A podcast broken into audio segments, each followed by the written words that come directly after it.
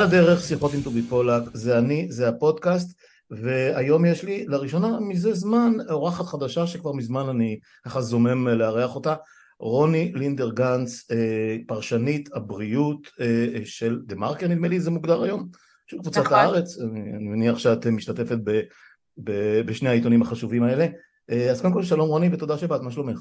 אהלן, תודה שהזמנת אותי. בסדר גמור. כן, יופי, אז... להתחשב במה שקורה מסביב, כן. כן, כן, אנחנו מנסים, תראי, זה יצא ככה שכשהקמתי את הפודקאסט היינו בחודש אחרי הקמת ממשלת השינוי, ולתוך השנה המסכנה שהם כיהנו, עם כל, עם כל הצהרות שהיו. אגב, שוחחתי לפני כמה חודשים גם עם שר הבריאות היוצא, עם ניצן הורוביץ, אז גם יש קצת פרופורציה לגבי הדברים האלה. ו... ואז uh, נפלה הממשלה ואז כל הסיפור ומ... אה, לדעתי מינואר ממש מ... מ... מהרגע או אפילו מנובמבר מרגע שנקבעו תוצאות הבחירות ואחר כך uh, כשיריב לוין עשה את הנאום שלו נהייתי הקול של המחאה של המחאה ושל המאבק נגד ההפיכה המטורפת הזאת לדעתי יותר ממאה פרקים שעוסקים רק בדבר הזה. פסיכי לגמרי ואני שמח שאני, שיש לי את הפלטפורמה לעשות את זה כי זה לא מובן מאליו למישהו שבאמת אני עבדתי בפרינט במשך שנים, כמו שאת עושה בעצם, ולמרות שהפרינט נהפך ליותר ויותר דיגיטל, גם זה צריך להגיד. אני עדיין מנוי ויש לי עם הקפה את הנייר בבוקר, אני חייב... נקרא לזה עיתונות כתובה. נכון, נכון, כן. עיתונות כתובה אה, שהיא גם מודפסת וגם, וגם אחרת. אז זהו, אז תשמעי, אמ, אמ, אמ, אנחנו נמצאים בתוך כאוס, אני, אני לא יודע להגדיר את זה אחרת, כאוס ביטחוני, כאוס צבאי, כאוס פוליטי, נתחיל בזה, משפטי וכל השאר, ופתאום ככה בלי שנרגיש, אה, יכול להיות שאת הרגשת את זה קודם, אבל זה נפל עלינו בשבוע האחרון, לא, שבועות האחרונים, חודש, חודש וחצי, פתאום אה, סחף אה, בלתי, ממש בלתי צפוי מהצד של מערכת הבריאות של הרופאים. קבוצות רילוקיישן, מחאות, מחאת החלוקים הלבנים שאני פוגש אותם בקפלן כל שבת ובמקומות אחרים בצעדה, בכל מיני מקומות, ו... ואני אשאל אותך, אני, אני אפתח בשאלה פשוטה, ש... שאולי, אה, שאולי אה, יש בה מן האמת לפחות בקרב אלה שמתנגדים לי או לנו, האם זה באמת אה, מצב חירום אישי אנושי מקצועי או שזה יותר שכולם מצלצלים בפעמונים וזה יתברר כזאב זאב והמערכת תמשיך לתפקד, איך את רואה את זה? קודם כל אני, אני אתקן אותך, כי זה לא נפל עלינו ממש פתאום, אלא אני חושבת שהרופאים והרופאות, אה, ממש מהרגע הראשון אה, של הקמת הממשלה, היה שם בולטות מאוד גדולה, אני חושבת שזה ציבור מאוד ליברלי, יש שם, אה, אנחנו רואים את זה גם בסקרים שעושים כל הזמן בקרב הרופאים, האחוזים הם, ההתפלגות היא מאוד ברורה, הם בעד התנגדות לממשלה, הם בעד התנגדות לצעדי הממשלה באופן כמעט גורף, ברור שלא כולם, אבל, אה, אבל כן ציבור שאפשר להגדיר אותו כמאוד ליברלי. אליטה, אה, אליטה ליברלית, אז הם היו שם בעצם אה, מההתחלה, החלוקים הלבנים שדיברת עליהם, שזה בעצם הם הוקמו מתוך איזשהו חשש שאולי ההסתדרות הרפואית תהיה ממלכתית מדי וזהירה מדי, הם הוקמו מאוד מהר, במבחן הזמן אנחנו רואים שהם לא היו צריכים להילחם אני זוכרת איך כתבתי על זה בימים הראשונים, בימים הראשונים ממש אה, סיקרתי את זה בצורה שהנה קמה התארגנות והם אה, יאתגרו את ההסתדרות הרפואית, השבעה והוותיקה, כי הם, דורש, רוצים להיות מיליטנטים. אבל במבחן הזמן זה לא מה שקרה, מה שקרה זה שההסתדרות הרפואית הבינה את גודל השעה, הבינה את האיומים, הבינה שהקהל שלה מאוד, מאוד מיליטנטי וחיבקה את החלוקים הלבנים. אותי, אגב, בתור מי שמלווה את התחום, זה די מדהים, כי ההסתדרות הרפואית בדרך כלל לא מכילה קבוצות שקמות בצורה ספורדית. אה, ודבר נוסף אה, די מדהים שכן קרה לאחרונה זה שמרשם, אה, ארגון המתמחים, שהוא באמת אופוזיציה ברורה להסתדרות הרפואית, גם הוא סוג של הניח את הנשק והודיע באופן רשמי שהוא מגבה את ההסתדרות הרפואית בכל אה, אה, פעולת התנגדות שלה נגד החקיקה. אז היה את זה, וגם אם אני חוזרת אחורה, אני לא זוכרת בדיוק באיזה חודש, אבל די בהתחלה הייתה לי כבר כתבה לפני כמה חודשים טובים מאוד, אה, על, על סכנת הרילוקיישן של רופאים. ראיינתי איזה שישה, חמישה או שישה רופאות ורופאים שממש מדברים ברצינות על, על רילוקיישן ומסבירים את הסיבות שלהם.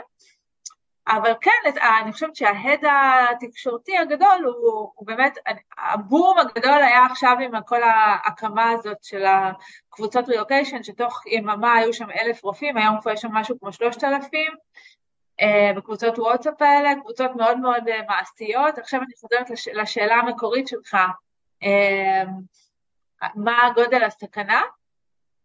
אני חושבת שהסכנה אמיתית, אני חושבת שהסכנה אמיתית, תראה, צריך להגיד את האמת, ברור שלא כל השלושת אלפים וגם בטח וגם לא כל האלף האלה מחר בבוקר עוברים לחו"ל, מכל מיני סיבות, אה, זה הרבה יותר אה, מסובך אה.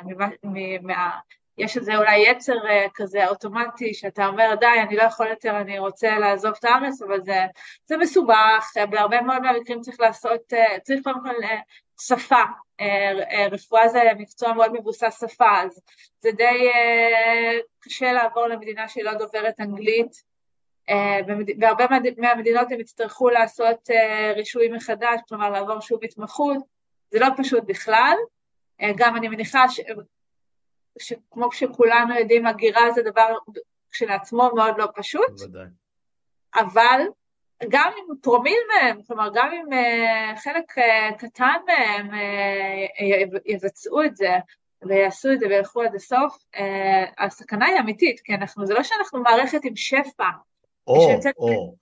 לא שאנחנו במערכת שנמצאת עם אה, ככה כיסי שומן ועודף ברופאות ורופאים, להפך, אנחנו במערכת בתת ספיקה שכל הזמן נאבקת במחסור ברופאים, מערכת שכל הזמן מצטרפים אליה אנשים, כי אנחנו יודעים מה הריבוי הטבעי בישראל, שהוא ריבוי טבעי משוגע, אה, וכל הזמן צריכה להדביק את זה, אה, אז זאת המערכת. זה דבר אחד. סכנה מוחשית אמיתית שאני רואה זה סכנת אי חזרתם של אה, שתי קבוצות שכבר נמצאות היום בחו"ל לישראל. קבוצה אחת זה קבוצת הרופאים והרופאות ב fellowship. אלה טובי הרופאים והרופאות שלנו, הם יוצאים לחו"ל, הרבה מהם, כמה מאות אה, נמצאים בחו"ל אה, בכל, בכל כל רגע נתון, אה, בעצם לעשות התמחות על, להתמקצע בחו"ל. מה שנקרא פוסט, הפוסט של הרופאים. סוג של פוסט, קוראים לזה כן. ברפואה, התמחות על, והם אמורים לחזור אלינו, הם חוזרים לפה והם בעצם, הם חוד החנית של מערכת הבריאות. כן. הם חוזרים לפה, הם המנהלים, הם המובילים, הם המקצוענים, והאנשים האלה הרבה יותר קל להם להישאר אה, מאשר, אה, זה הרבה יותר קל להם להישאר בחו"ל, באמת הרבה מהם, אני שומעת בבתי חולים, הרבה מהם אה, או שאומרים מפורש אני כרגע לא חוזר, או אומרים אני החלטנו לחכות עוד שנה ולראות, או, ש, או שבית החולים חושד, שהם עוד לא אמרו את זה רשמית, אבל יש איזה חשש שזה הולך לקראת הדבר הזה, זו קבוצה אחת. קבוצה שנייה זה הסטודנטים הישראלים לרפואה בחו"ל, שזו קבוצה ענקית ועצומה, אה, שבעצם אה, בגלל מחדל מאוד גדול, שאם אתה רוצה אפשר אחרי זה להיכנס לסיפור הזה, סיפור שאני מלווה המון המון זמן כן, כבר, הם, הם בעצם היום 60 אחוז ממקבלי רישיונות רפואה בישראל, כלומר ישראל מסתמכת על סטודנטים לרפואה שלומדים בחו"ל, ממש מסתמכת, הם לומדים שם על חשבון ההורים שלהם, על חשבונם, באופן אה, פרטי לחלוטין, הרבה פעמים בכלל לא יודעים על קיומם עד שהם חוזרים לישראל, אבל מסתמכים עליהם לגמרי. שישה מכל עשרה רופאים ורופאות חדשים הם אה, למדו בחו"ל, ולהם הכי קל להישאר, יותר מכולם. למה? כי הם עדיין צעירים, בתחילת הדרך, אין להם פה מחויבויות, אה, הם מקבלים דיפלומה אירופאית, הם יכולים לעבוד בכל מקום באירופה, הם טעמו כבר את אה, הטעם של לחיות בחו"ל, זה כבר לא מין משהו כזה רחוק ו... זה גם לא שנת שבתון, זה סיפור של אה, חמש, שש, שבע שנים בפעמים. כן, והרבה מהם עושים מבחן שנקרא USMLE, USMLE זה מבחן רישוי אמריקאי, שבעצם מאפשר להם, אם הם, זה מבחן מאוד מסובך, אם הם עוברים אותו, והרבה מהם הרבה מאוד מהם עושים אותו ועוברים אותו, הם גם יכולים לעבוד בארצות הברית. אה, זהו, והם בעצם האוכלוסייה, והשבוע, רק השבוע פרסמנו סקר שרק 30 אחוז מהם היום, ממש סקר טרי שנעשה עבור אה, משרד הבריאות, אה, רק 30 אחוז מהם מצהירים שהם בטוחים שהם יחזרו לישראל, זה, זה מטורף, זה ממש מטורף, זה, כן. סכנה, זה סכנה אמיתית, זאת. סכנה כן. אמיתית. יפה, אז... אז, החבר'ה האלה גם אה, חייבים להגיד, חייבים להגיד את הדברים, מדינת ישראל מזלזלת בהם באופן מסורתי. אני זוכר, הוא למד בבולגריה, זה למד ברומניה, הוא למד באיטליה, זה היה מין כזה, התדמית הייתה של לימודים, אה, סוג של, סוג של קריית אונו של המשפט, את יודעת, אה, עשו, עשו, עשו תואר. גם במובן הזה הם סובלים מאפליה. כן.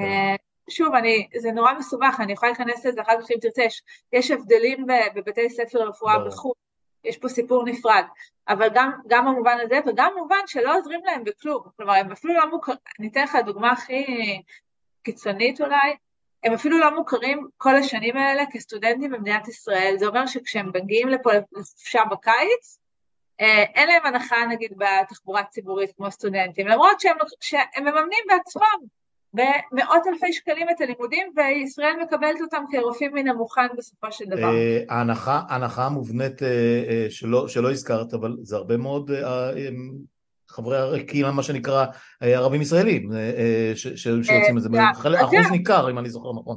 גם, אבל ממש לא רק, יש המון יהודים, לא רק, אוקיי. הרבה ילדים של רופאים ורופאות, אגב, שלא, תראה, להתקבל לרפואה בישראל זה ברמת הבלתי אפשרי.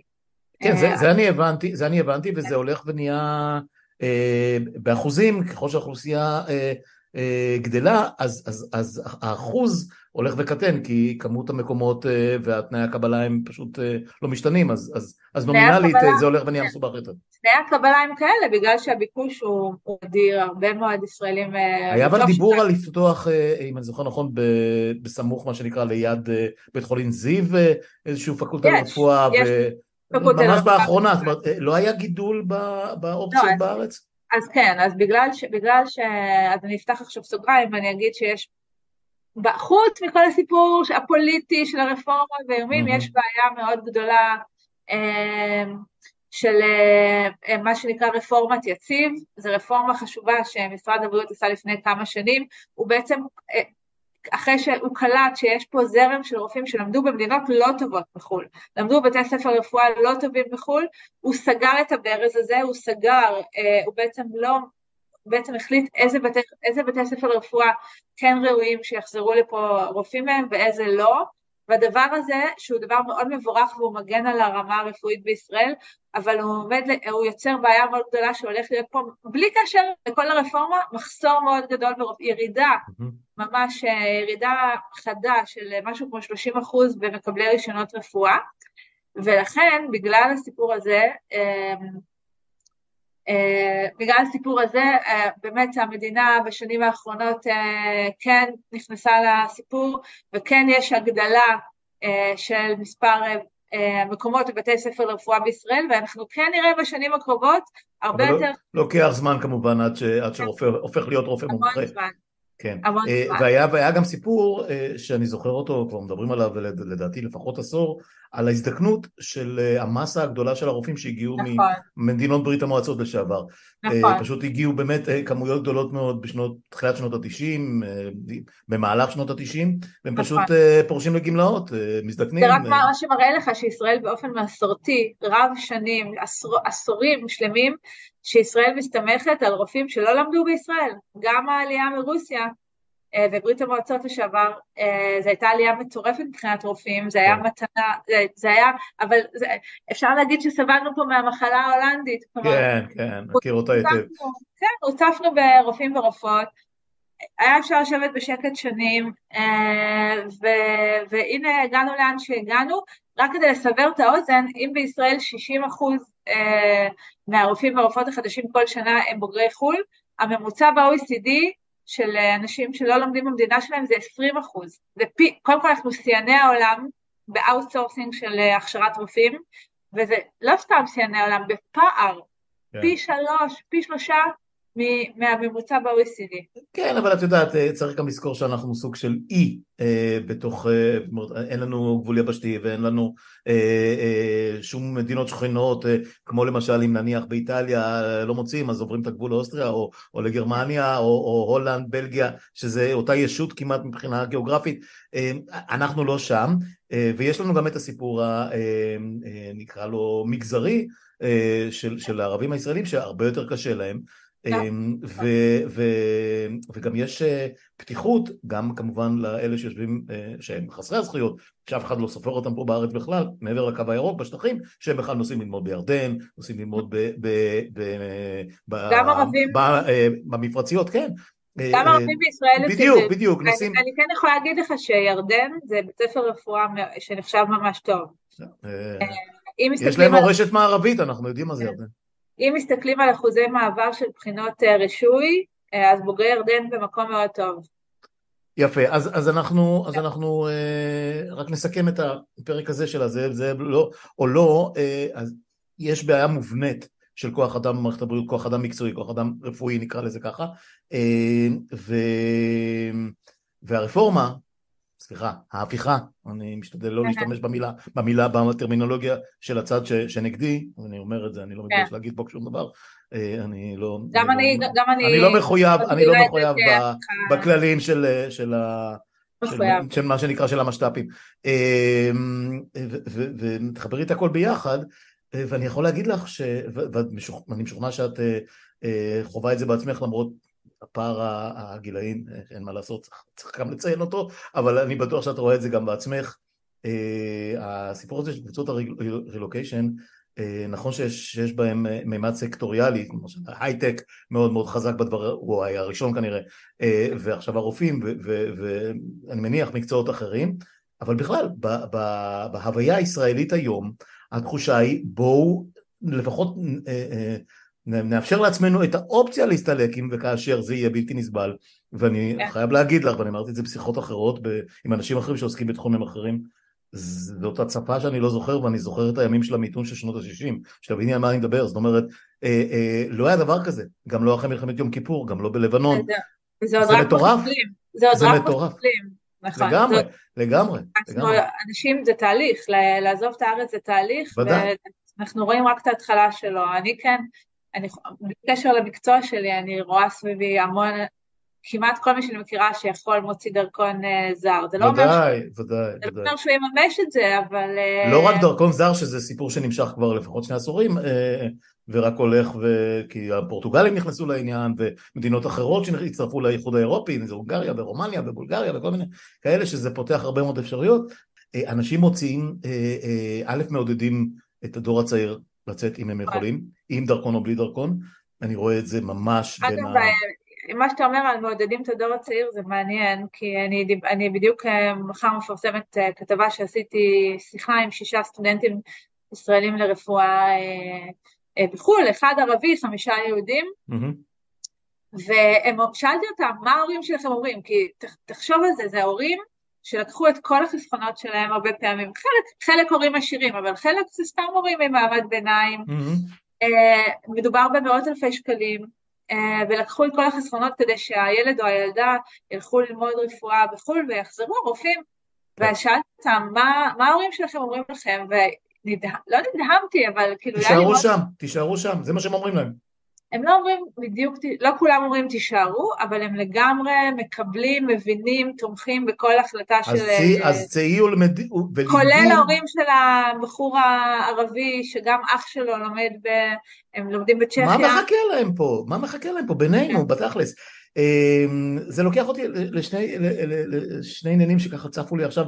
בתחושה, אה, לפחות אחרי התקופה ששמענו מבטא רוסי אה, כמעט בכל מקום, נדמה לי שהיום אנחנו, אה, לא יודע עד כמה זה מדעי, במקצועות הרוקחות בוודאי, במקצועות תומכי רפואה, אין לי ספק, אבל גם, גם ברופאים בכל הרמות יש נכון. כניסה אדירה של של המיעוט הזה אה, למערכת הבריאות. אז אני אגיד על זה כמה מילים. קודם כל, אה, רפואה זה מקצוע שמיעוטים אוהבים, גם יהודים, אם תלך מניו יורק, אז אה, אחוז הרופאים היהודים הוא, הוא אדיר. צריך להיזהר עם זה, כי את זה אומרים גם על הבנקאים, את יודעת, תמיד הפרוטוקולים של זקני ציון עסקו בזה כבר. אבל אתה יודע, רופאים, רופאים זה מקצוע קצת יותר, עם, עם תדמית יותר חיובית. אוקיי.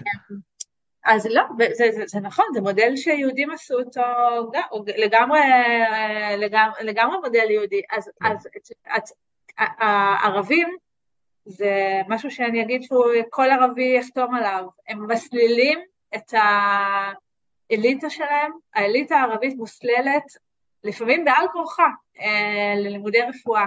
ילדים אה, ממשפחות אליטיסטיות מוסללים לגמרי ללימודי רפואה, הסיבה לי היא ברורה. אה, קודם כל זה בואי מערכת... נראה, בואי נראה אם אני מנחש נכון. תמשיך. קודם כל, קודם כל זאת מערכת שיש בה הרבה פחות אפליה, הם באמת יכולים להתקדם יחסית על פי הכישורים שלהם, יחסית, זה ברור, ברור שהם נתקלים, ב... אני לא מציירת פה איזו תמונה אה, אידילית, כן? אה, אבל יחסית למערכות אחרות, הם מקודמים לפי הרמה שלהם ויש להם הזדמנות שווה להגיע רחוק, והם באמת מגיעים רחוק, יש מנהל בית חולים, אה, יש המון המון מנהלי מחלקות, אני לא מדברת רק בפריפריה, לא רק באזורים כאילו עם הרבה... מה זאת אומרת? שיבא כן. ובלינסון כן, ואיכילוב, אני רואה אותם, ודאי. לגמרי, אז באמת, כשאתה מיעוט, ועוד מיעוט במדינה שסובל מגזענות, ויש לך מערכת אחת שבו, שבה אתה יכול אה, להתקדם לפי הכישורים שלך, אה, אז אתה הולך לשם. זה דבר, זו סיבה אחת. סיבה שנייה היא כמובן הכסף, זה באמת אה, מקור פעם, זה מקצוע מכניס. לפעמים בעיקר, אם, בעיקר אתה... אחרי שאתה עברת מספיק שנים כפועל, כפועל שחור ומתחיל להחזיר את ההשקעה הזאת. אם אתה רופא ראשון במשפחה שלך, זה באמת זה מביא ברכה כלכלית אה, למשפחה, המון, זה, זה דבר נוסף, כמובן שרופאים עדיין נהנים מיוקרה מדהימה בחברה הערבית. זהו, אז ההצטרפות, עכשיו, כשאמרתי, יצא לי פעם לעשות על זה כתבה, ויש לזה גם צדדים לא משהו, שאם אתה מסתיר את כל האליטה שלך למקצוע אחד, אתה מפסיד אה, כוכבים במקצועות אחרים. כן, אה, אבל, אבל אתה יודע מה, פה, אז פה אני אכנס עם, עם ההשערה שלי, שהיא לא, לא כך השערה, אבל אה, אני משוכנע שהיא, אה, שיש בה לפחות גרעין מוצק של אמת. השירות הצבאי, לא יעזור שום דבר, בחברות הייטק תמיד יעדיפו, בוודאי כאלה שעוסקות בסייבר, סייבר התקפי, סייבר הגנתי, כל חברות אבטחת המידע למיניהן, החברות שמסתמכות על יוצאי 8200, ממר"ם, כל יחידות התלפיות למיניהן, כן. אז, אז לערבים אין, אין דריסת רגל שם, אז מה שנשאר, אז מה שנשאר להם במקום שבו הצבא הוא פחות רלוונטי והם גם יכולים להתחיל הרבה יותר מוקדם. סטודנט יכול להתחיל בארץ ובוודאי בחו"ל בגיל 18, בגיל 19, מה שמקביל לו היהודי הישראלי היהודי יכול להתחיל אולי בגיל 22-3 במקרה הטוב. רואים את זה אגב בחבר'ה שראיינתי, הסטודנטים מאוד צעירים אני מניח. אז הבחור הערבי שהוא אגב מצטיין דיקן ארבע שנים ברציפות, הוא כנראה עילוי, אה, הוא בן 23, כבר בשנה החמישית. כן, והחבר'ה היהודים בני 28, 30. ועוד לא דיברנו על הטיול אחרי צבא, שיש כן, מגזרים כן. שעושים אותו ויש כאלה שפחות וכל מיני סיפורים מהסוג הזה. אז אה, זה מעניין כי זה באמת התנהגות, כמו שאמרת, אה, מאוד אופיינית למיעוטים שייכנסו למקומות שבהם קשה יותר להפלות אותם, במקומות שבהם הם מזהים, גם אם הם לא יודעים לשים את האצבע על הנקודה בדיוק, הם מזהים מחסור, ו, ו, ובמובן הזה במערכת הבריאות הישראלית היא, היא סובלת ממחסור כרוני, כמו שאמרת קודם, זה מחסור שלא אגב, הולך להתמלא בקרוב, אגב זה, לא התחום, אגב זה לא התחום שלי, אבל אומרים, במורים ומורות יש מצב דומה, יש עודף של מורים ומורות בחברה הערבית ומחסור מאוד גדול ב... בחברה הכללית, ו... שאלה אם באמת... צריך לעשות אחד ועוד אחד, לא, כן? לא, לא, אני מאוד מקווה שמורים מהחברה הערבית יגיעו ללמוד במערכת החינוך העברית, נקרא לה, היהודית-עברית. כן, למרות שמה שאנחנו רואים, הם שולחים מה... מהאולפנות ומהמורות החיילות או מה שלא יהיה, זאת אומרת הפלישה היא מהכיוון של השטחים ולאו דווקא של החברה הערבית, אלא של החברה לא, המתנחלית. זה לא מספיק, זה לא מספיק. גם אם ישלחו... לא, אני לא אומר את זה, אני, זה, יותר מדי, מה זאת אומרת? כן. אני לא, לא רוצה את זה. נניח שזורמים עם זה ואומרים שזה טוב, זה לא... זה לא, לא א', זה לא טוב, וב', אה, אני, אני לא יודע. לשמחתי אני כרגע אה, מספיק רחוק משני הכיוונים, בדיוק הנכד שלי היה פה קודם, אז הוא עוד יש זמן עד שהוא יגיע למערכת החינוך הפורמלית, כן, של כיתה. כן, אבל אתה יודע, מערכת החינוך משפיעה על כולנו, זה לא משנה אם הילדים שלנו... אין לי שום ויכוח איתך. כן. אה, יפה, אז אה, עוד משהו שככה, אה, בצ'אט הקטן שלפני שהתחלנו להקליט, זרקתי, זה הקטע של כמה מהר אנחנו מתרגלים למשהו, או לא מתרגלים, אלא מתגעגעים נניח, למשהו שעד לפני לא הרבה זמן, שנתיים, שנתיים וחצי, נראה היה כמו פחות או יותר סוף העולם. למשל הכהונה של ליצמן, שבמשך שנים זה היה, הוא היה סגן שר, כי הם, כי הם לא נכנסו, ואז היה בג"ץ והכריח אותו להיות שר, נכון. ואז הוא גם התפטר, ואחר כך חזר, ואחר כך גם היה כתב אישום, והוא נאלץ לעזוב את הכנסת בכלל, וכולי וכולי וכולי. אמ, ופתאום נראה, נראה לי שקראתי את זה אצלך, שהוא לפחות א' הבין בתחום והיה יחסית, כן יחסית, חוץ מאשר באמת הסיפורים של האשפוז של אותו צמח מהמשפחה שלו בבלינסון אם אני זוכר נכון ודברים שונים ומשונים שקשורים לחברה החרדית, אה, עדיין הוא ידע מה הוא עושה במשרד הזה, למרות הכל. ו... ומאז זה נראה שזה נפרץ. קודם כל לגבי ליצמן, אני, אני ממש, אה, מכיוון שאני כבר יותר מ-15 שנה מסגרת הבריאות, מתוכם בערך חצי מהזמן הוא היה השר, אז יש לי המון קילומטראז' ליצמן. Mm-hmm. אני יכולה להגיד שיש הבדל מאוד גדול בין הקדנציה הראשונה שלו, שהוא היה בולדוזר והוא היה שר טוב, לקדנציה השנייה שהוא כבר היה שיכור כוח ועשה דברים... מה שקורה. כמעט לכולם בקואליציה הנוכחית. עשה דברים גרועים מאוד, בין לבין היה את יעל גרמן איזה שנה ושמונה, משהו כזה. אה, אני... ובשנה, ועד לפני שמונה חודשים ניצן הורוביץ. בעיניי ליצמן, אה, כאילו הקדנציה השנייה בעצם מאפילה על הכל והוא היה שר באמת על הפנים. אה, מה שהוא עשה עם העישון למשל זה מזעזע, אבל למה הזכרתי את ליצמן במה שכתבתי? כי רציתי להראות שאנחנו רואים שהרופאים עכשיו הם באמת בחוד החנית של המאבק, הם ממש התנזים של ה... של המאבק בממשלה, אה, אנחנו רואים, זה לא רק זה שהם השביתו את המערכת וספגו את כל הביקורת, זה גם דברים יותר קטנים, למשל, אתן לך דוגמה משבוע שעבר, אה, שר המדע אה, אקוניס רצה לבוא לבקר באיכילוב ובשיבא, בשני המקומות בסוף הוא לא ביקר. למה? כי התארגנה מחאה מאוד גדולה מתוך הבית חולים נגדו, או כל מיני התארגנויות באמת אדירות של רופאים ורופאות, אז הזכרתי את ליצמן כי אמרתי, זה לא שהרופאים הם שמאלנים כאלה שמתנשאים, שלא מוכנים לעבוד עם, שלא מקבלים את תוצאות הבחירות, אוקיי? תמיד אומרים, המוחים לא מקבלים את זה, הפסדתם בבחירות ואתם לא מקבלים את זה. אז לא, אז ליצמן למשל היה שר שמונה שנים, המערכת מאוד כיבדה אותו, המערכת ידעה לעבוד איתו, הוא התקבל בכבוד מלכים, בחיים לא קרה לו מה שקרה עכשיו לאקוניס למשל, Uh, עכשיו, זה לא רק ליצמן, גם ביבי. ביבי עבד במשך כל השנים שהוא ראש ממשלה, יד ביד עם המערכת. נכון, ב-2011 היה, היה מאבק של הרופאים, אבל קודם כל זה לא היה אישי נגדו, היה שם, היו שם כמה קטעים של התגוששות וכולי, אבל המערכת, אני, אני אומרת לך את זה בביטחון מלא, ידעה לעבוד איתו, גם אפילו בקורונה שהיה לא מזמן, אה, קיבלה את מרותו, התקבל בכבוד מלכים, גזר סרטים, מה, זה רק מראה שמשהו מאוד מאוד אה, מהותי השתנה.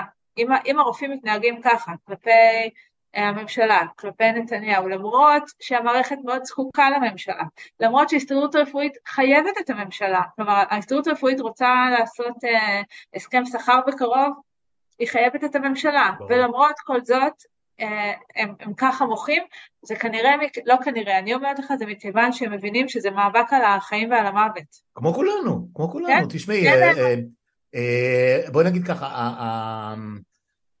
החוזק של השרשרת תמיד נקבע על ידי החוליה הכי חלשה שלה, אה, פיזיקה בסיסית שאנחנו מכירים שנה א' של חטיבת הביניים, או וואטאבר.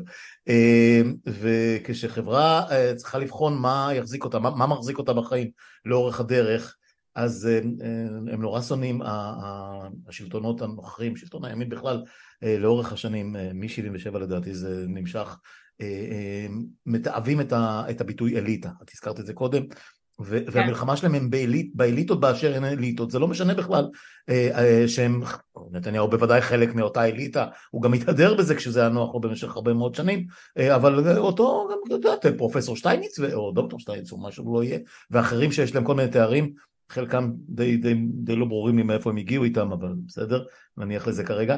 אה, ואם אנחנו מדברים על טייסים, או על אנשי סיירות, או על אה, אה, מהנדסים בכירים, או על אנשי הייטק שמביאים אה, מיליארדים בכספי מיסים ובמקומות עבודה, וכמובן במקרה שלך רופאים, אז, כן. אז, אז אין, אין, אם אני אשבות או את תשבתי, אני כבר, אני כבר, אני כבר אול טיימר, אז, יהיה פודקאסט או לא יהיה פודקאסט, או אני אצייץ בטוויטר, זה, לא יזיז לאף אחד, אבל, אבל גם אם נניח תחום הבריאות בדה מרקר יוזנח, אני מניח שאף אחד לא יזיל דמעה מי יודע מה.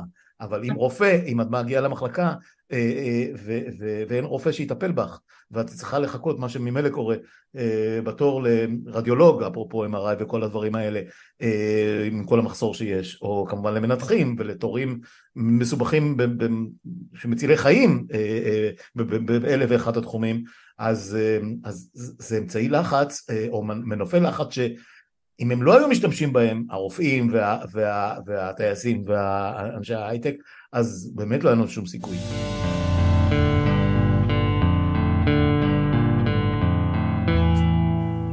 השאלה עד כמה, עד כמה אפשר למשוך את ה... אה, אה, למתוח את החבל הזה, זו שאלה גדולה שאני לא יודע. קודם כל זו שאלה טובה, אה, מה אתה מדבר על השבתה? על השבתה, על השתתפות בשביתה כללית, על מעבר קבוע, או למשך תקופה, למה שנקרא מתכונת חירום, מתכונת חג, מתכונת שבת, ווטאבר, כי הם לא יכולים באמת לעשות את זה.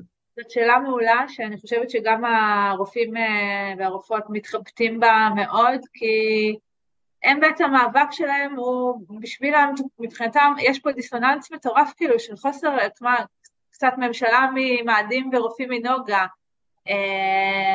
כי מבחינתם כל המאבק, כל מהותו הוא להגן על המטופלים בטווח הארוך מתוצאות של אה, אותה הפיכה משטרית, מתוצאות של אה, ממשלה שתחוקק חוקים שפתאום, אני לא רוצה בכלל אה, לשרטט פה תסריטים, אבל בוא נאמר ככה, יפגעו בשוויון ובעקרון השוויון שבו היום מספקים רפואה, ויפגעו באופן שהם יתרגלו לתת רפואה בלי הבדל דת, גזע ומין ועוד המון דברים, ורפואה ליברלית ושוויונית, אבל האמצעי הזה של השבתה הוא בעצם, יש פה, אי אפשר להתחמק מזה, יש בו פגיעה בטווח הקצר במטופלים.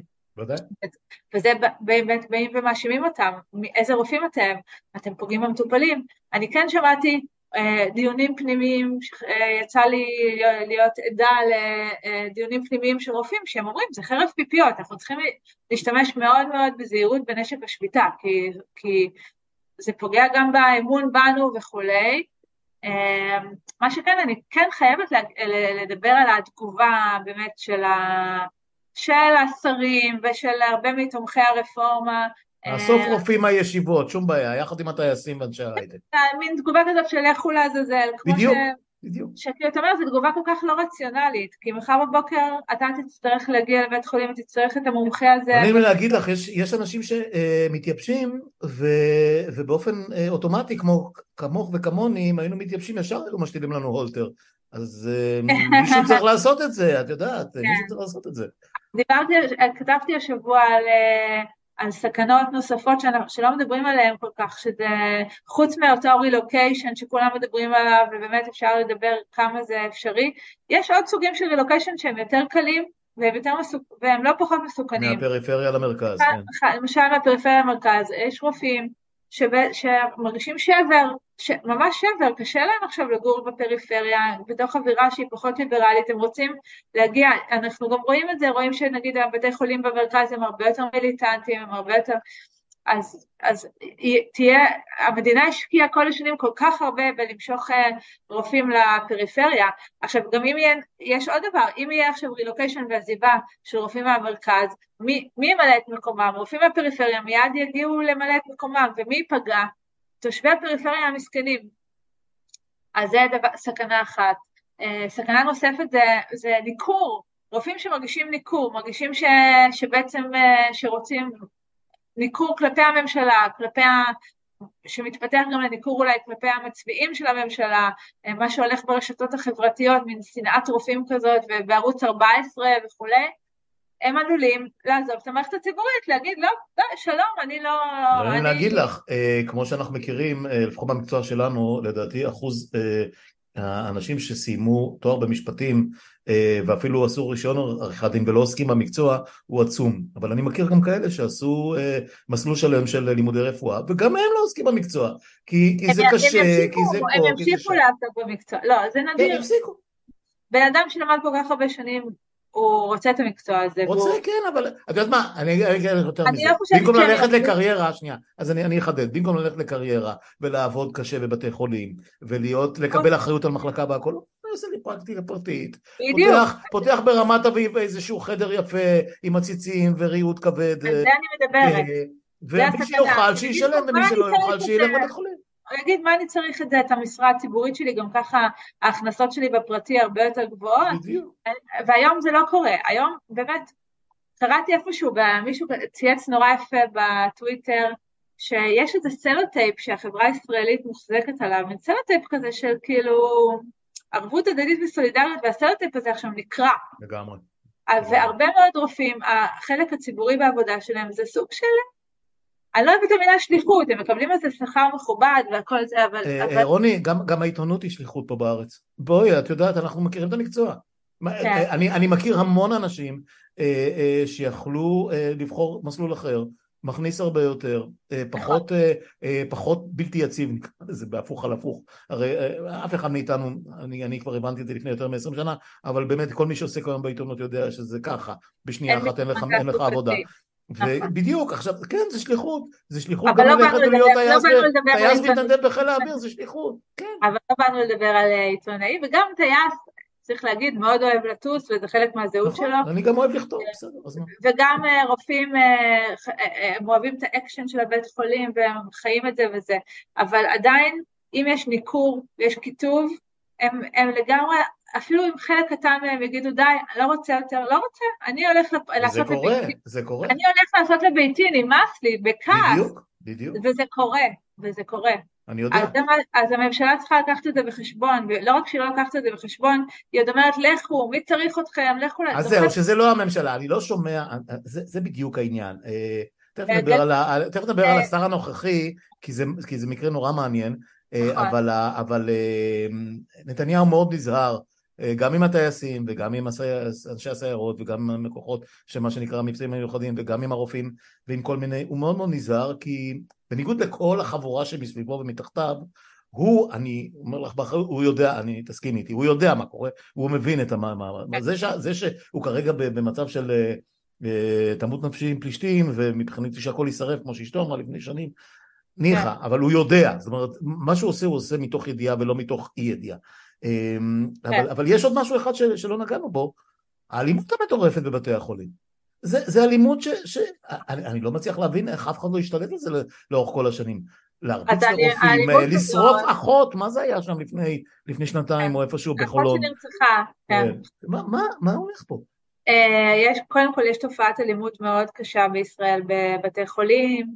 אה, עכשיו נוספה לה גם אה, הסיפור הזה של האלימות בחברה הערבית, מגיע גם לתוך בתי החולים, כי אנחנו שומעים בעיקר על, ה, על הנרצחים, אנחנו לא שומעים על הפצועים. יש, על כל נרצח כזה יש כמה פצועים, והפצועים האלה מגיעים הרבה פעמים עם חמולה שלמה איתם אה, לבית חולים. אתה יודע שבתי חולים מפחדים לקבוע מוות?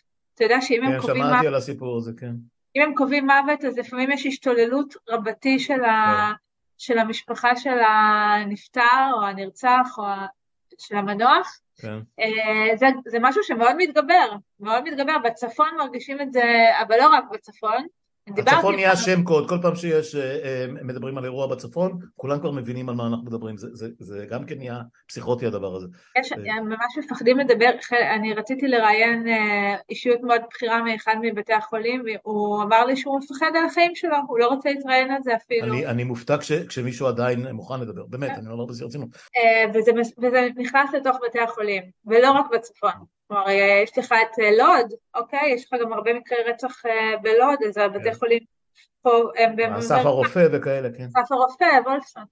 אז, אז, אז כן, יש, אבל זה רק חלק קטן מהאלימות. כן. האלימות היא, כמו שאנחנו רואים אלימות ברחובות ואלימות בכבישים, ככה יש כן, אלימות... אבל ב- רופא, רופא, אני אני אגיד לך, כשגדלתי, ואני מניח שגם כשאת גדלת, זה לא משהו ששייך לימי קדם, לרופא היה עילה אה, אה, של כבוד. אה, אדוני הרופא, דוקטור זה וזה, ככה מדברים, פרופסור כן. עניינים. אה, כיבדת, גם אם נניח הבשורה הייתה לא טובה, וגם אם נניח הוא אמר לך. אתה סתם עושה את עצמך, אה, לך קח אה, קח אקמול ותנוח יומיים, הכל יהיה בסדר. הייתה הדרת כבוד, היום הכל נפרץ. נכון. זה, זה, זה, זה, זה ירד זה חברה בהתבהמות, חברה בהתבהמות. לגמרי. זה משפיע על הכל. עכשיו, עכשיו בן אדם שלמד כל כך הרבה שנים והתמחה ועבד באמת אחר סליחה, אה, אה, במשך המון זמן אה, נכון. ומשהו שעוד גם כדאי להחליף, להחליף לגביו כמה מילים, כל התורנויות המטורפות האלה של כל כך הרבה שעות, שאני לא מבין איך, איך זה בכלל ייתכן, אבל זה אולי את תסבירי לי. אז, אז אני לא, באמת, אני מנסה לחשוב למה שבן אדם ייקח את הגורל שלו בגיל 22, 3, 5, או במקרה של כאלה שלא משרתים בגיל 18 או 19, יעשה את כל, הדבר, את כל המסלול הזה בשביל אחר כך אה, באמת לחתום דליים של חרא על הראש אה, בגיל 30? למה? אני, אני אענה לך בגלל שאני כל כך מכירה רופאים. אה, זה עדיין המקצוע הכי טוב בעולם מבחינתם, כאילו המקצוע הכי, הכי נחשק, הכי נאצל, הכי טוב, הכי... בצדק, אני מסכים איתם, אבל... אה, והם מכורים לזה, כאילו, הם אה, מאוד אוהבים את זה. אה. ותראה, זה גם מקצוע מכניס, כן? זה מקצוע שאפשר להגיע בו בסוף, כן? זה לוקח הרבה שנים, אבל מגיעים לשכר טוב. אבל כן, יש, בדרך עוברים דברים מאוד קשים, התורנויות של 26 שעות, אם נגעת בזה, זה, זה באמת, לא יאמן שזה עדיין איתנו, איך, אה, איך המערכת מצדיקה את הדבר, מעבר לזה שאם גולני, המערכת... בגולני הייתה התעמרות אה, אה, במשך כל השנים בטירונים, אז אנחנו לא נפסיק את זה, כי אז, אה, כי אז אה, כל הנרטיב אה, של, של ה, מה שנקרא, של הבשר הטרי שאוכל, שאוכל את כל הבוץ בשביל, בשביל הוותיקים, הכל ישתבש, אבל עדיין, אני, אני לא מבין. אני אגיד לך את הסיבה הרשמית שהיא, שהיא גם יש בה איזשהו יסוד של אמת. אה, שכדי לקצר משמעותית את התורנויות, היום בעצם המערכת תלויה בתורנויות של המתמחים, הם מחזיקים את, את בית החולים. בבוקר הם לומדים מהרופאים הבכירים, ומ-4 אחר הצהריים עד הבוקר המחרת הם מחזיקים את הבית חולים. בכל הסופי שבוע, בכל החגים. כמובן, וכדי לקצר להם את התורנויות, אה, צריך אה, להביא מישהו שיחליף אותם, ואין, יש, אנחנו חוזרים לתחילת השיחה, אין לנו עודף רופאים, יש מחסור ברופאים בישראל, אה, בעיה מאוד קשה, אה, בעיה מאוד קשה, יש פה גם בעיה של פריפריה ומרכז, בגלל זה קיצור התורנויות שאמור להתחיל עכשיו מתחיל בפריפריה, מכיוון שזה, כדי לקצר צריך להוסיף תקנים. אם יוסיפו תקנים במרכז, אף אחד לא יבוא לפריפריה. ולכן התחילו מהפריפריה, לדעתי בצדק, אה, מתחילים מהפריפריה בתוספת תקנים שם, כדי למשוך לשם את רופאים ורופאות. זה הכל עלוגה נורא נורא קטנה של רופאים ורופאות, mm-hmm. אבל התוצאה היא איומה, התוצאה היא איומה שבאמת אה, אה, מתמחה שעושה תורנות, לפעמים זה גם יותר מ-26 שעות. לפעמים אומרים להם, יש מקרים לא מבוטלים שאומרים לאנשים האלה, תעביר כרטיס כאילו יצאת והוא, והוא מושך עוד שעתיים בבית חולים, 28 שעות.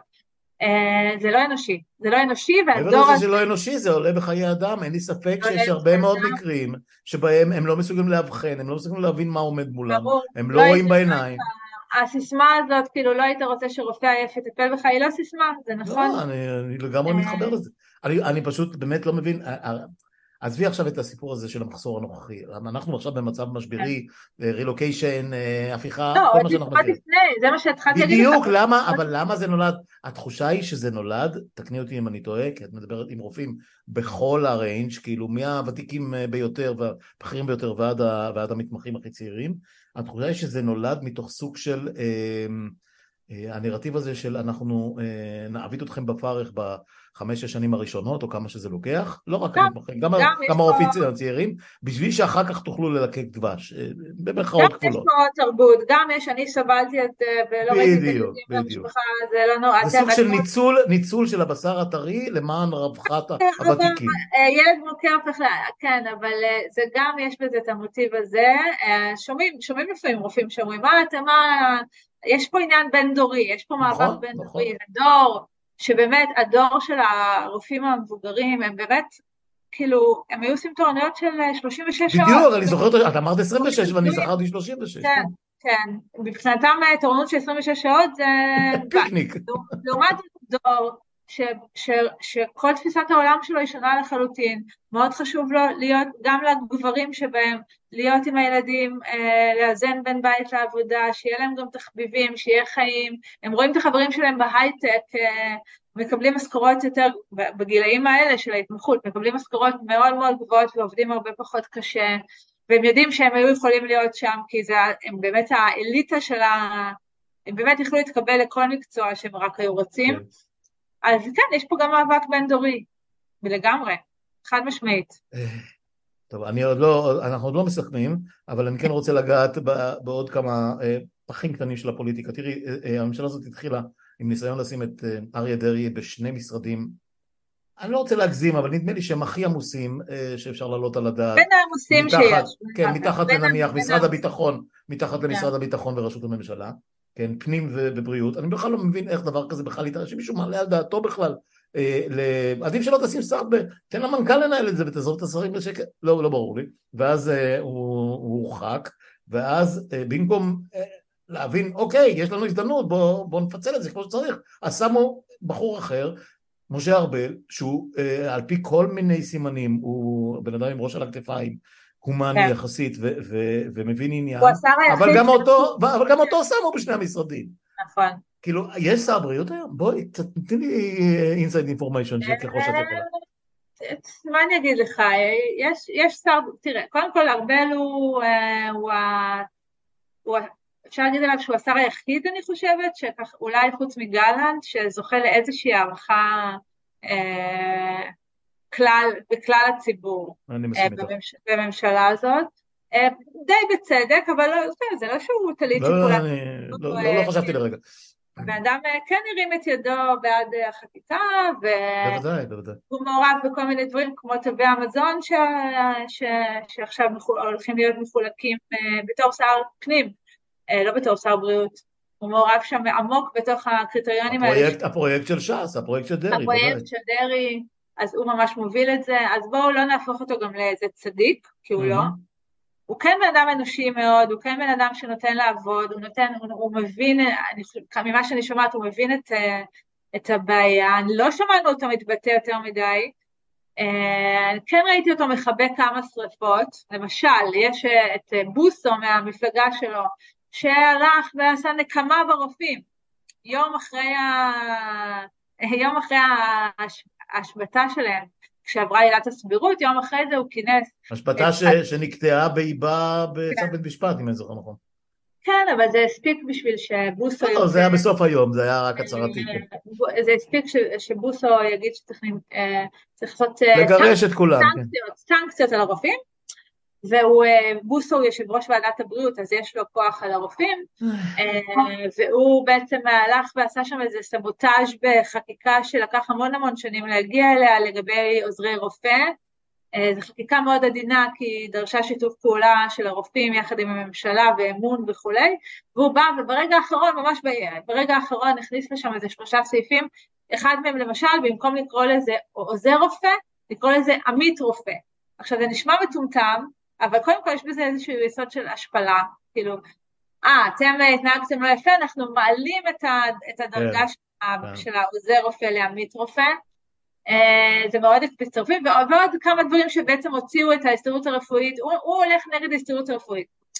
אז אני... שהיא בעצמה פוליטית, לא, לא צריך לקחת ממנה את האספירציות הפוליטיות שלה לאורך כל השנים, תמיד היה להם שיקולים שהם לא רק ספציפיים אה, אה, לרווחת בתי החולים והרופאים. כן, זה, ארגון מאוד חזק, אין כן, ספק, כן. מאוד חזק, שהממשלה הזאת רוצה לרסק אותו. כמו יש, את אה, לשכת עורכי הדין למשל. כן, יש כאלה. דוח של קהלת מוכן, שבעצם מדבר על פירוק ההסתדרות הרפואית. פירוק כל ההסתדרויות, כן. כן, כן אבל ספציפית יש אחד על ההסתדרות הרפואית. אה, לא, לא, שלא תבין אותי לא נכון, ההסתדרות הרפואית לא חפה מבעיות בכלל לא. עבדתי אה, איתם קצת בנסיבות אחרות. הכרתי מעט, כן. אבל כרגע הם באמת אה, ארגון העובדים, הם חווים סוג של עדנה, מכיוון שקודם כל הם ארגון העובדים היחיד שיצא נגד הממשלה בצורה מאוד מאוד חדה. לא, לא ראינו את ארגוני המורים ובטח לא את ההסתדרות הכללית שעושה את זה. כן. אה, אגב, זה חוזר לסיפור של אה, כמו עם הטייסים, שבתכלס אין תחליף, הממשלה יכולה לצעוק עד מחרתיים, מורים, אז, אה, אז יהיו מורים, את יודעת, יביאו, כמו שאמרו, יביאו מהישיבות ומהמתנחלויות מורים, יקראו להם מורים. אתה רופא, אתה לא יכול לעשות את זה, אבל כן. הם חושבים שהם יכולים להסתדר בלי רופאים. ברור, ברור. אחרת לא היו שולחים אותם לעזאזל כל כך. ארבל הלך שם וניסה לכבות את ה... מאחורי הקלעים ככה את, ה, את, ה, את המדורה הזאת, אז כן, אז הוא, אז הוא מתנהל בסדר, הוא נותן, הוא נותן, גדולתו אולי שהוא נותן גם לאנשי המקצוע במשרד הבריאות לעבוד, אבל אה, כמו בהרבה מקרים אחרים, גם הבעיות הן הרבה מעליו. כלומר, הבעיה של הרופאים זה לא עם ארבל, הבעיה של הרופאים זה עם הממשלה כולה ועם בנימין ועם האוצר, ועם האוצר. אה, פחות האוצר כרגע, האוצר זה האויב המסורתי. הקלאסי. כן. אבל אה, אני מדברת, הבעיה של הרופאים המוחים עכשיו היא לא עם האוצר. לא, לא, ודאי, זה... ההפיכה המשטרית. הפיכה משטרית, הפיכה משפטית, ושניהם ביחד. ולכן למרות שארבל ובר סימנטו, המנכ"ל, מודעים היטב לגודל האירוע ולגודל הסכנה וה, והסכנה שמרחפת על המערכת, ידיהם קצרה קצת מלהושיע, זה כן. מעליהם. זה קצת כמו רמטכ"ל ומפקד חיל אוויר, הסיפור הוא מעליהם. אני, אני מסכים איתך לגמרי. אמ, ואחרי שאמרנו את כל זה, עכשיו באמת כבר הגיע הזמן לעשות מה שנקרא to wrap it איכשהו. תראי, אה, מצד אחד המקצוע של, שלך, שלנו, אבל את, את כרגע operating מה שנקרא, אה, זה מרתק, כי, כי אנחנו חווים את ההתרחשויות לא כהיסטוריונים שמסתכלים על זה מהצד ולא כאנשים שהולכים לארכיונים לעשות תחקיר על מה שהיה, מה היה במלחמת יום כיפור והכל. המלחמה פרוסה לנגד עינינו, המחדלים, אה, אה, אי אפשר לשער את, ה, את העוצמה שלהם ואת האמפליטודה לאן זה יגיע. אה, והשאלה אם את מסוגלת בתחום שלך אה, לפתוח טיפה פריזמה, אה, לנסות להסתכל על התמונה הרחבה יותר ולנסות להבין, בהנחה שלא כל הרפורמה, ההפיכה, תעבור, כי הם לא יצליחו להעביר את הכל, ושהממשלה הזאת תחזיק מעמד נניח עד סוף השנה או, או שנה נוספת, נניח שהיא, שהיא תצליח איכשהו להכיל שנתיים, בתוך כל הכאוס המטורף הזה והכל. מערכת הבריאות תחזיק מעמד או שאנחנו הולכים לקטסטרופה שבאמת אנשים ימותו פה על ימין ועל שמאל? מה, מה, מה, איפה היית ממקמת אותנו? אני חושבת שכמו הרבה דברים, אה, בוא נשים שנייה בצד אה, סצנריו של מלחמה כוללת, שגם כן. זה סצנריו שמדובר, אה, ברגע שאנחנו, עכשיו, בזמן שאנחנו מקליטים את הפודקאסט, מעניין איך, זה, איך ההיסטוריה תראה את הזמן. היא, היא נורא קרובה, אנחנו נדע מה ההיסטוריה תגיד כבר כן. בעוד שנה. אבל אם אני שמה את זה בצד, אה, אני חושבת שהקריסה, כמו הרבה דברים, היא לא תהיה בבום, mm-hmm. היא לא תהיה ביום אחד, היא תהיה כל רופא שעוזב, ובטח אם יעזבו פה עשרות רופאים בכירים, ידרדר את המערכת עוד ועוד, לאט לאט הפריפריה תתרוקן, והפריפריה, והתורים יתארכו, והאנשים ימותו. כלומר, אנשים או ימותו, אנשים יסבלו יותר, אנשים ישלמו בבריאות שלהם על הדבר הזה, אני, אם, אם הממשלה הזאת תמשיך איך שהיא עכשיו, הצפי שלי הוא קשה מאוד, קשה מאוד.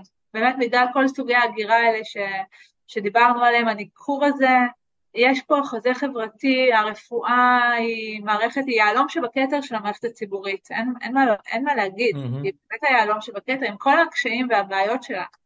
אה, מערכת הבריאות הציבורית בישראל היא באמת אחת הטובות והשוויוניות בעולם והחומלות, ו... ומה שקורה פה זה טרגדיה מבחינת המערכת. לא, זה הייתה מערכת בריאות שבוודאי כשמשווים אותה לארה"ב הסופר קפיטליסטית שאנשים יכולים למות כי לא היה להם ביטוח בסיסי אה, שישלחו אותם אולי לאיזה בית חולים ציבורי שאני יודע איפה. ב... אפרופו שדיברת על פריפריה אני חשבתי על זה שעיר שדה הכי אה, בינונית ומטה בארצות הברית אמ, הפריפריה שפה את מדברת עליה שהיא מקופחת, שם זה פחות או יותר השכונה השלישית מהמרכז, זאת אומרת, אנחנו לא בטוח... ועדיין אנחנו רואים הבדל גדול ב... בכל הקריטריונים. כן, כן, לא, אני, אני מתכוון לזה שאולי המערכת, כמו, כפי שהיא נבנתה פה.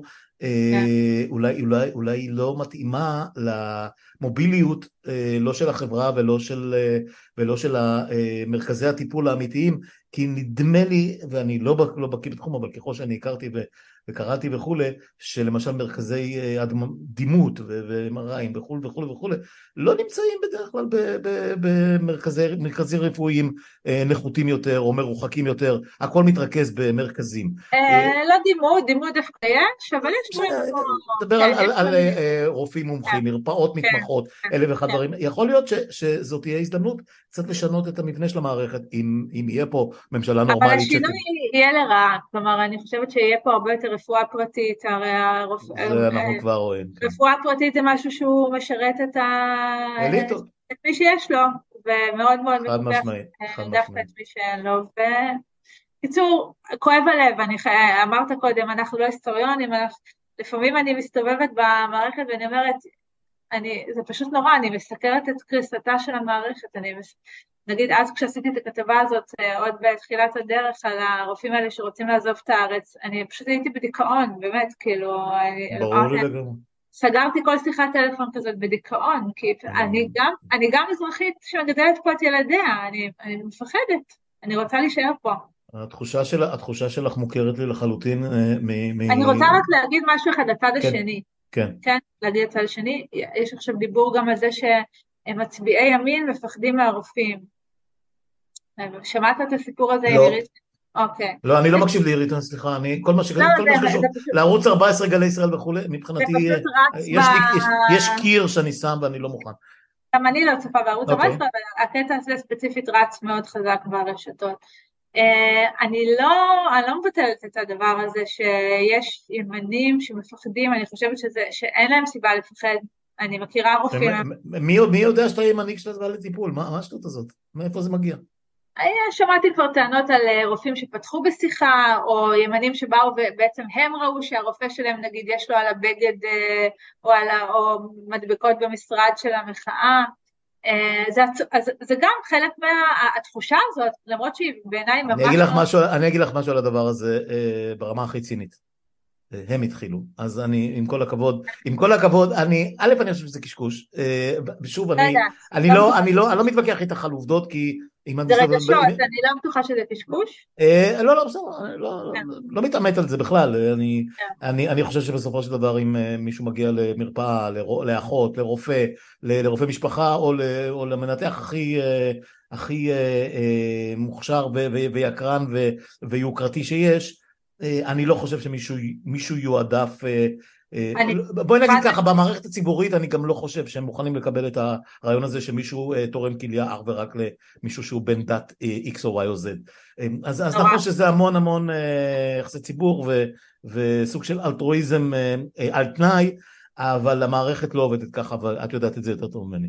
אמ, אה, אבל, אבל אני אה, אה, זרקתי... את אומרת שזה פשוט עצוב, שזה, שזה השיח היום, ואלה הרגשות ואלה התחושות. מסכים איתך. כאילו מפרקים אותנו. תקשיבי, הם הוציאו את הג'יני מהבקבוק. הם נכון. הוציאו את הג'יני הזה מבקבוק. הם... כן. וכשאני אומר הם, אז הם, לגמרי הם. אמ, וה... ומאוד מאוד קשה להכניס את הדבר הזה חזרה. אבל, אבל ככה זה, ככה כן, זה. יש תחושה של קרע בעם, שהיא, ובתוך מערכת, מערכת הבריאות היא הייתה באמת, היא תמיד מין סוג של אי כזה, אה, נווה מדבר, וזה חודר גם אותה, וזה לי... גם בגלל, גם בגלל הנוכחות העצומה של, של הערבים הישראלים שם, צריך להגיד, אתה מגיע ואתה חי, אתה, אתה לפחות בהיתקלויות שלי, אתה מגיע למקום שמדבר בשפה אחרת. ככה המדינה הייתה יכולה להיות, ככה המדינה הייתה יכולה להיות. נכון, אני מסכים איתך לגמרי, חבל שהיא לא כזאת, ממש חבל שהיא לא כזאת. טוב, תשמעי רוני, היינו יכולים להמשיך ככה להפליג אה, זה, אבל נדמה לי שנגענו ברוב הדברים העיקריים. יש כמובן כמות המיטות וכמות המרפאות אה, אה, חירום, וכן חדר קדמי בקריית שמונה, או בירוחם, או בדימונה. כל הדברים האלה. יוסף טל עם הבעיות שלו. כל הדברים האלה צריכים רופאים, וזה צריכים רופאים, צריכים תקציבים. המשאב שעכשיו כן. בסיכון. כן, כן, כן זה, זה ברור לי לגמרי. יופי, אז תודה על השעה שהקדשת לי, אה, אני משוכנע ש... אה, בשמחה, אני משוכנע ש... אה, יהיו לפרק הזה לא מעט מאזינות, מאזינים, צופות וצופים, כי זה literally בנפשנו ובבריאותנו. בנפשנו, כן. לגמרי. אז, וכמו שאני אומר לכל מי שמגיע בפעם הראשונה, תודה על השיחה הראשונה, זאת לא תהיה יחידה. תודה, תודה רבה. ביי ביי.